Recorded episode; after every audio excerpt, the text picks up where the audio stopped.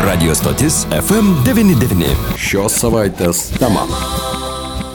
Sveiki, bičiuliai, studijoje prie mikrofono Liudas ir Eglė. Šios savaitės temoje žinoma temperatūros ir ligonių srautai. Apie tai mes šiandien kalbame su Lietuvos poliklinikos vadovu Mariumi Jasaičiu. Labadiena, gerbiamas Mariu. Labadiena. Ko gero, pacientų skaičius didėja, šildymo sezonas Lietuvoje dar nepradedamas. Šią savaitę ir jūs, ir ligoninės direktorius praktiškai kiekvieną dieną skubėdavo į miesto savivaldybę, vykdavo pasitarimai ir klausimų, ko gero, ratas labai platus nuo to, kad pacientų skaičius 20 procentų iš išaugo, kurie kreipėsi į ligoninės prieimimo ir skubios pagalbos skyrių ir ieškojote įvairių išeičių, o čia dar ir ministerija dabar jau kalba apie tai, jog šeimos gydytojai turėtų gauti dar papildomą krūvį, tad jūs, būdamas poliklinikos direktorius, o jūsų kompetencijoje yra ir šeimos gydytojai, kaip galėtumėte įvertinti dabartinę situaciją Lietuvos mieste? Tai iš tikrųjų paskutinį mėnesį yra labai išaugęs pacientų srautas, tai matome pagal skambučius srautus, taip pat stebime pagal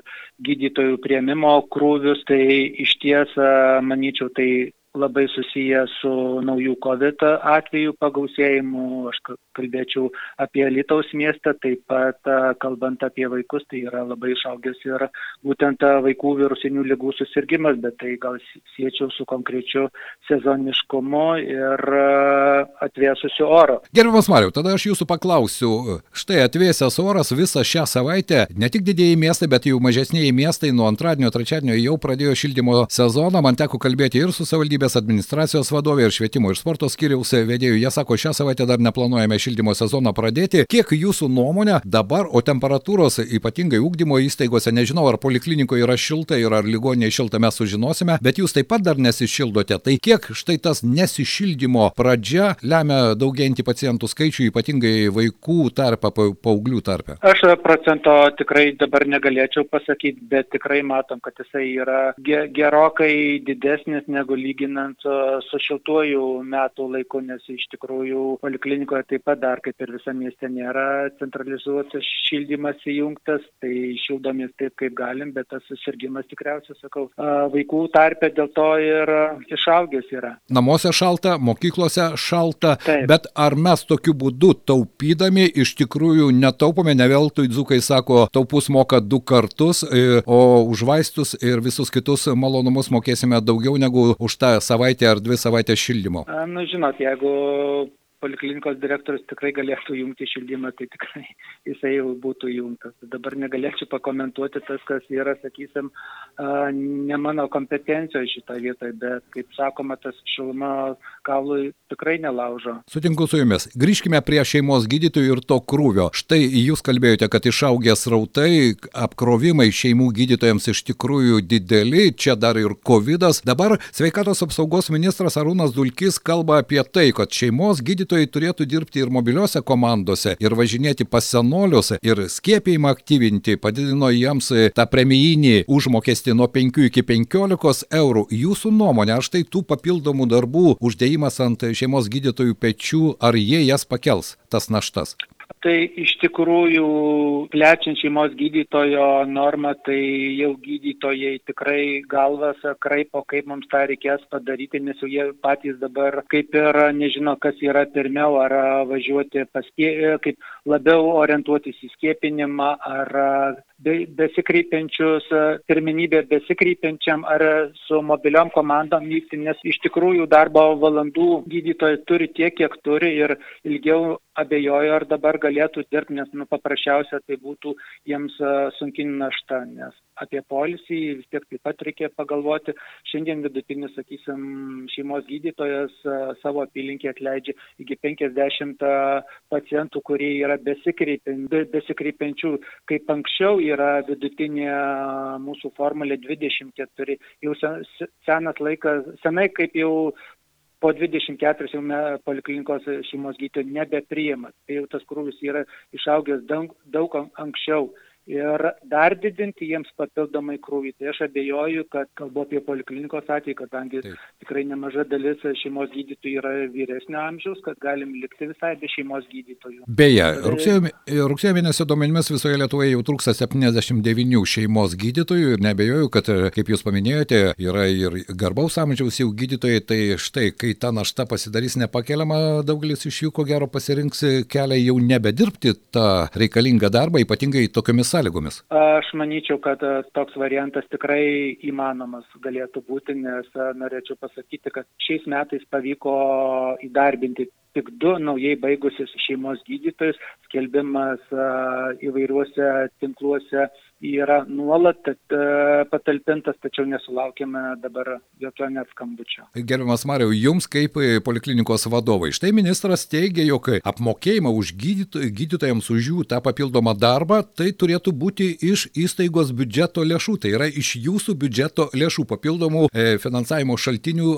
apie tai ministras nekalbėjo. Ar tai yra realu? A, žinot, kaip paskau, sveikatos politiką formuoja ministerija, tikriausia, kaip paskau, gali plačiau apie tai kalbėti, mes gauname konkrečias lėšas, mes žinome, kaip susidaro, sakysim, gydytojų darbo užmokesčio fondas ir kiek galime tikrai duodame kaip pavyzdį galėčiau pateikti nuo viso to finansavimo, kurį mes gauname kasmet pasirašius su ligoninių kasom sutartį, 85 procentai tos sumos e, tikrai yra skiriama būtent gydytojų darbo užmokesčiui. Tai yra pakankamai didelė suma kitų šaltinių mes neturime. Dar viena problema ir su to susiduria visi pacientai, apie tai mes ir vakar su kolegomis diskutavome, tai yra prisiskambinti į polikliniką, na bent kur, į gydymo įstaigą tampa sudėtinga. Aš nebejoju, kad šią savaitę apie tai jūs diskutavote ir su ligonės vadovais, ir su miesto vadovais. Jūsų nuomonė, kokios priežastys ir kaip galima būtų tą situaciją keisti? Taip, kad prisiskambinti šiuo metu yra sunkiau, tai tikrai to, to nemeiksiu. Dabar papildomai dar perimsime žmonių, bet tačiau e, yra reikalingas ir pačių žmonių samoningumas. E, tikrai mes tuos rautus matome ir, sakysim, pirmadienį tikrai didžiausi tie rautai, penktadienį ir vidury savaitės jie yra mažesni, tai žmonės taip pat turėtų vertinti kada jiems skambinti, gal galima nebūtinai ryte, gal galima skambinti po pietų. Pastebėjome tokią tendenciją, kad žmonės visiškai nebenori registruotis elektroniniu būdu. Priežastis ar, sakysim, per daug sudėtinga, ar kitos priežastys negaliu dabar atsakyti. Tačiau tas prisiskambinimo atvejų, sakysim, padidėjimas lemiamas su tuo, kad yra, kaip žinome, Alitus, Alitaus miestas yra tikrai susir, e, susirgymų žemėlapį juodoje zonoje. Taip. Susirgymų yra labai daug tai visi tie besikreipiantys ir sudaro būtent tą procentą, kada visi skambina, kitam reikia nedarbingumo, kitam reikia pasik, pasik, su gydytoju pasikonsultuoti, ką tiesiog daryti. Tačiau gydytojas yra vienas apylinkė, dažnu atveju prie gydytojo yra prisirašęs, sakysim, vidutiniškai 1500. Tai dabar įsivaizduokit, kad vienu metu norėtų 500 gydytojui paskambinti. Nu, tebūnė ne 500, 100, bet gydytojas tai yra vienas. Nu, jis... Sutinku su jumis, aš šią savaitę buvau liudininkas, buvau pa šeimos gydytoja ryto valandomis ir iš tikrųjų telefonas skambėjo per keletą minučių, kol aš ten buvau. Ne į vieną skambutį teko atsakyti ir gydytojai, ir jos e, padėjėjai. Tai tas intensyvumas tikrai jaučiamas. Na, jūs pasakėte, kad štai sumažėjo elektroninių būdų registruojančių, galbūt žmonės e, pradėjo nepasitikėti tą sistemą, o čia žinot, kai kalba telefonu, galbūt didesnis pasitikėjimas atsiranda, kad jis pagaliau na, pasieks galimybę užsiregistruoti? Žinot, ne, negalėčiau konkrečiai pasakyti, kokios tos yra, sakysim, objektyvės jų priežastys. Tiesiog, nu, gal, sakysim, žmonės to įsilgia yra bendravimo sistema, vėlgi, sakysim, Taip. yra sistema negyva, tiesiog nėra su kuo pasikalbėti. Suprantu, gali būti ir taip, išaugot pacientų skaičius, kuris kreipiasi į ligonės prieimimo skubios pagalbos skyrių. Jūs kalbėjote apie tai, kad galbūt e, pavyktų rasti išeitį, jeigu poliklinika įsigytų tam tikrą įrangą. Ar apie tai irgi diskutuojama ir ar yra tokios galimybės? Taip, kaip vienas iš galimų variantų buvo pasakyta susitikimo metu, dabar kreip kreipsimės su savivaldybės pagalba į sveikatos apsaugos ministeriją, ieškoti, sakysim, tos galimybės atsiradimo, ar tai būtų galimybė, ar nebus, nežinau. Jūs čia kalbate tai, apie rentgeno diagnostinį medicinos taip, taip, aparatą, taip. ar ne? Taip, taip, taip kalbame supratau. būtent apie jį. Ir paskutinis mano klausimas - COVID situacija. Mariau, jūs e, kūruojate ir skiepijimąsi, ir testų e, darbo centro darbo laiką. Kaip jūs galėtumėte įvertinti štai šios savaitės situaciją Lietuvos mieste, bent jau Lietuvos mieste? Tai sakyčiau, kad uh, naujų COVID atvejų tendencija yra linkusi didėti. Šiai dienai remiantis vakarykščiais statistikos duomenimis, tai Lietuvos miestui 100 tūkstančių gyventojų per 14 dienų tenka 719 atvejų, kai Lietuvos vidurkis yra 522. Taip.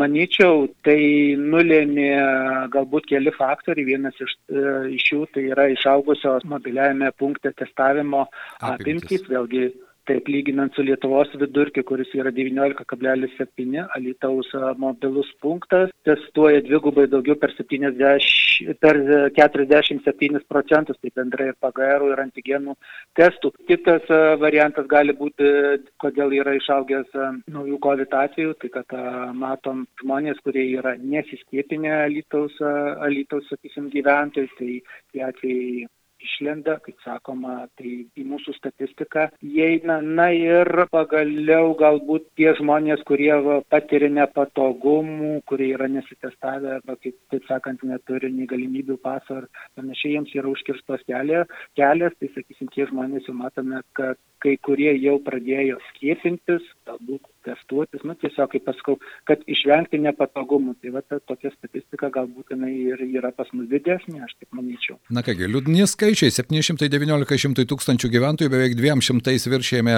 mūsų šalies vidurkį. Noriu padėkoti šiandien mūsų pašnekovas buvo Lietuvos poliklinikos vadovas Marius Jasaitis. Ačiū Jums, Mariau, o mes netrukus pratęsime mūsų šios dienos pokalbį ir kalbėsime su Stasio Kudirkos ligoninės vadovu Artūru Vasiliausku. Mažosios ligoninės jau pradėjo uždarinėti kai kurios skyrius, kokia situacija Alytuje. Netrukus mes ir pasakysime mūsų pašnekovui.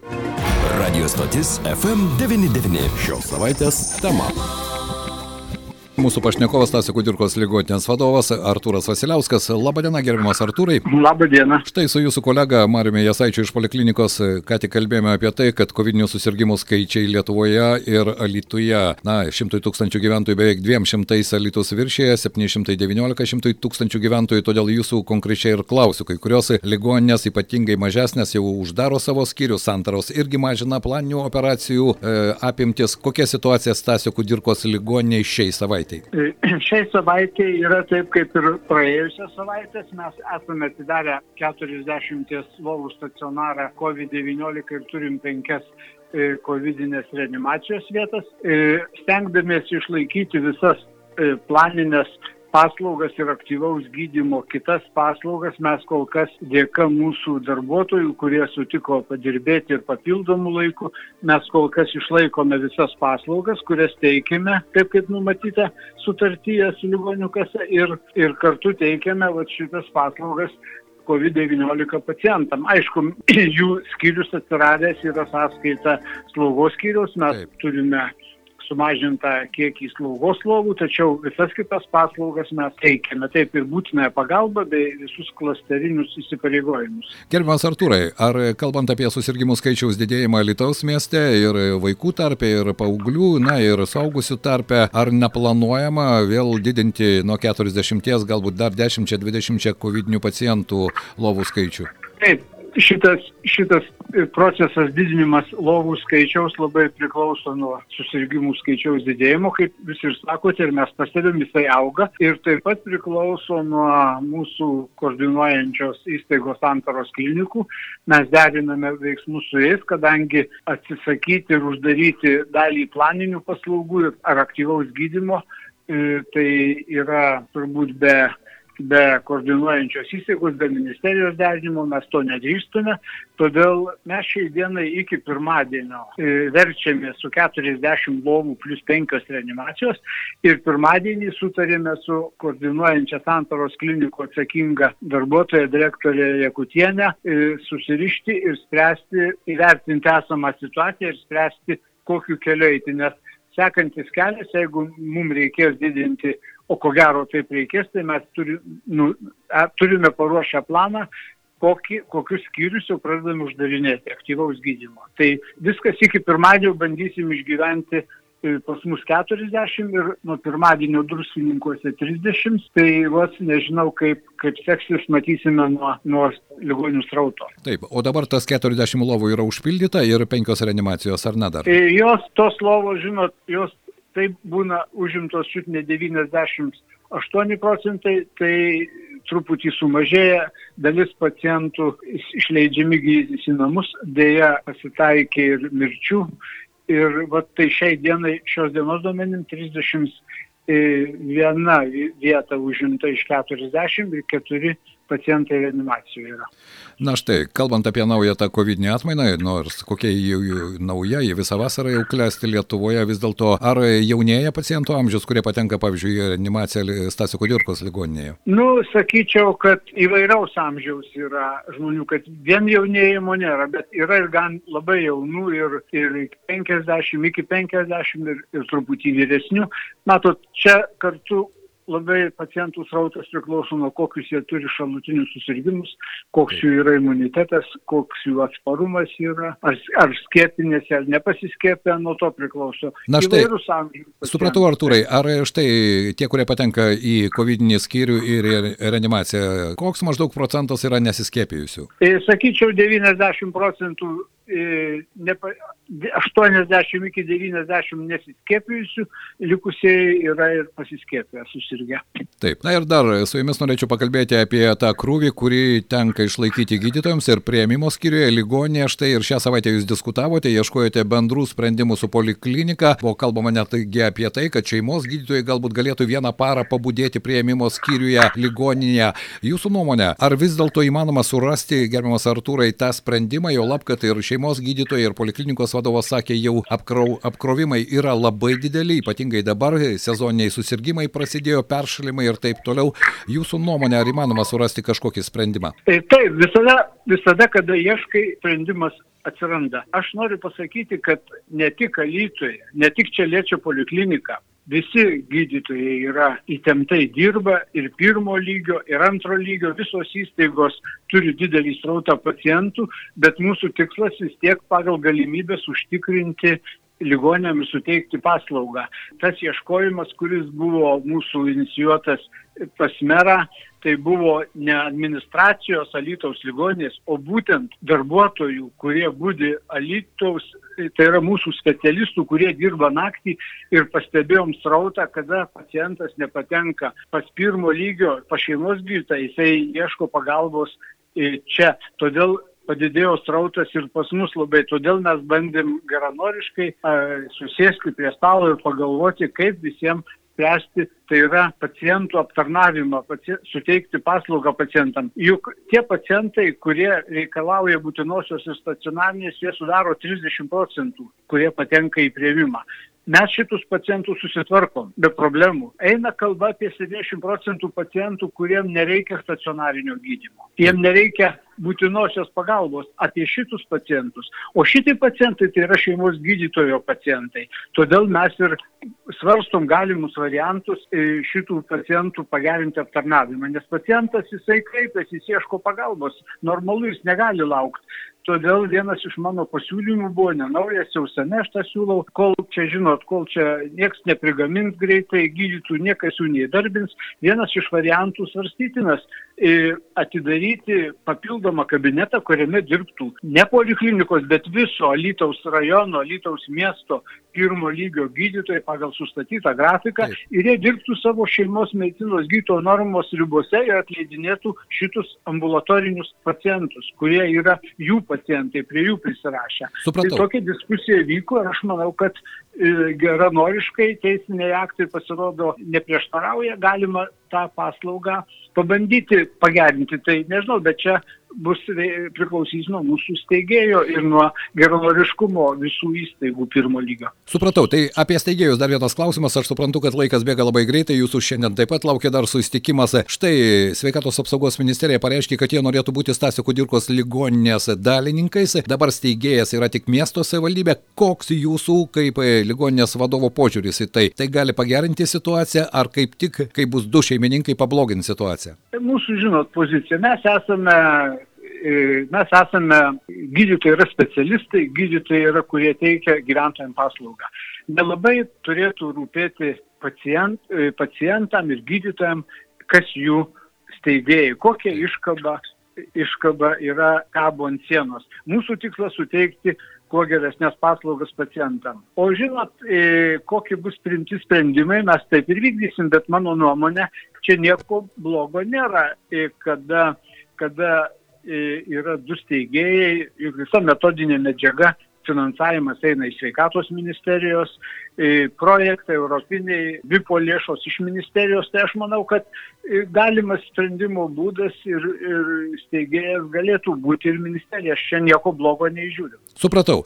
Gerbiamas Artūrai ir paskutinis mano klausimas. Pacientų srautai didėja, peršalimo lygų daugėja, kodėl nešildomos ligoninės, vaikų darželiai ir mokyklos? Aš suprantu, kad klausimas ne jūsų adresu, bet jūs ligoninės vadovas. Nu, Sutinku, kad galbūt va čia buvo porą dienų, kur tikrai mes jautėm poreikį šildymui, mes esam pasiruošę tą daryti, laukiam, laukiam, laukiam, tai vakar, ne, šiandien, nuo šiandien nešildom. Jau šildot? Taip, mes nuo šiandien šildom savo patalpas. Mes turim įruošę savo geoterminį šildymą, nepriklausomą nuo Lietuvos šilumos tinklų ir pas mus radiatoriai šiandien šilti. Kągi, gera žinia. Noriu padėkoti mūsų pašnekovas buvo Stasio Kudirkos ligonės vadovas Artūras Vasiliauskas. Ačiū Jums, gerbiamas Artūrai, ir aš tikiuosi, kad tas padidėjusių ligonių srautas vis dėlto vienokiu ar kitokiu būdu bus suvaldytas. Na ir gera žinia, ligoninėje jau radiatoriai šilti. Kada jie bus šilti poliklinikoje, Marius Esaitis sakė, kad jie dar laukia savivaldybės savivaldybės administracijos sprendimo, kada pagaliau pradės šiltai gyventi darželiai, lopšeliai, mokyklos ir visos kitos viešosios įstaigos. Čia klausimas, kurį galima adresuoti miesto savivaldybės vadovams. Šią savaitę jie teigia, jog kol kas lauks atšilimo. Na kągi, su gamta nepasigalinėsiai. Vidutinės paros temperatūros nėra labai aukštos, tikėkime, kad vis dėlto tas šildymo sezono pradžios sprendimas bus priimtas, nelaukiant spalio mėnesio. Radio stotis FM99. Šios savaitės tema.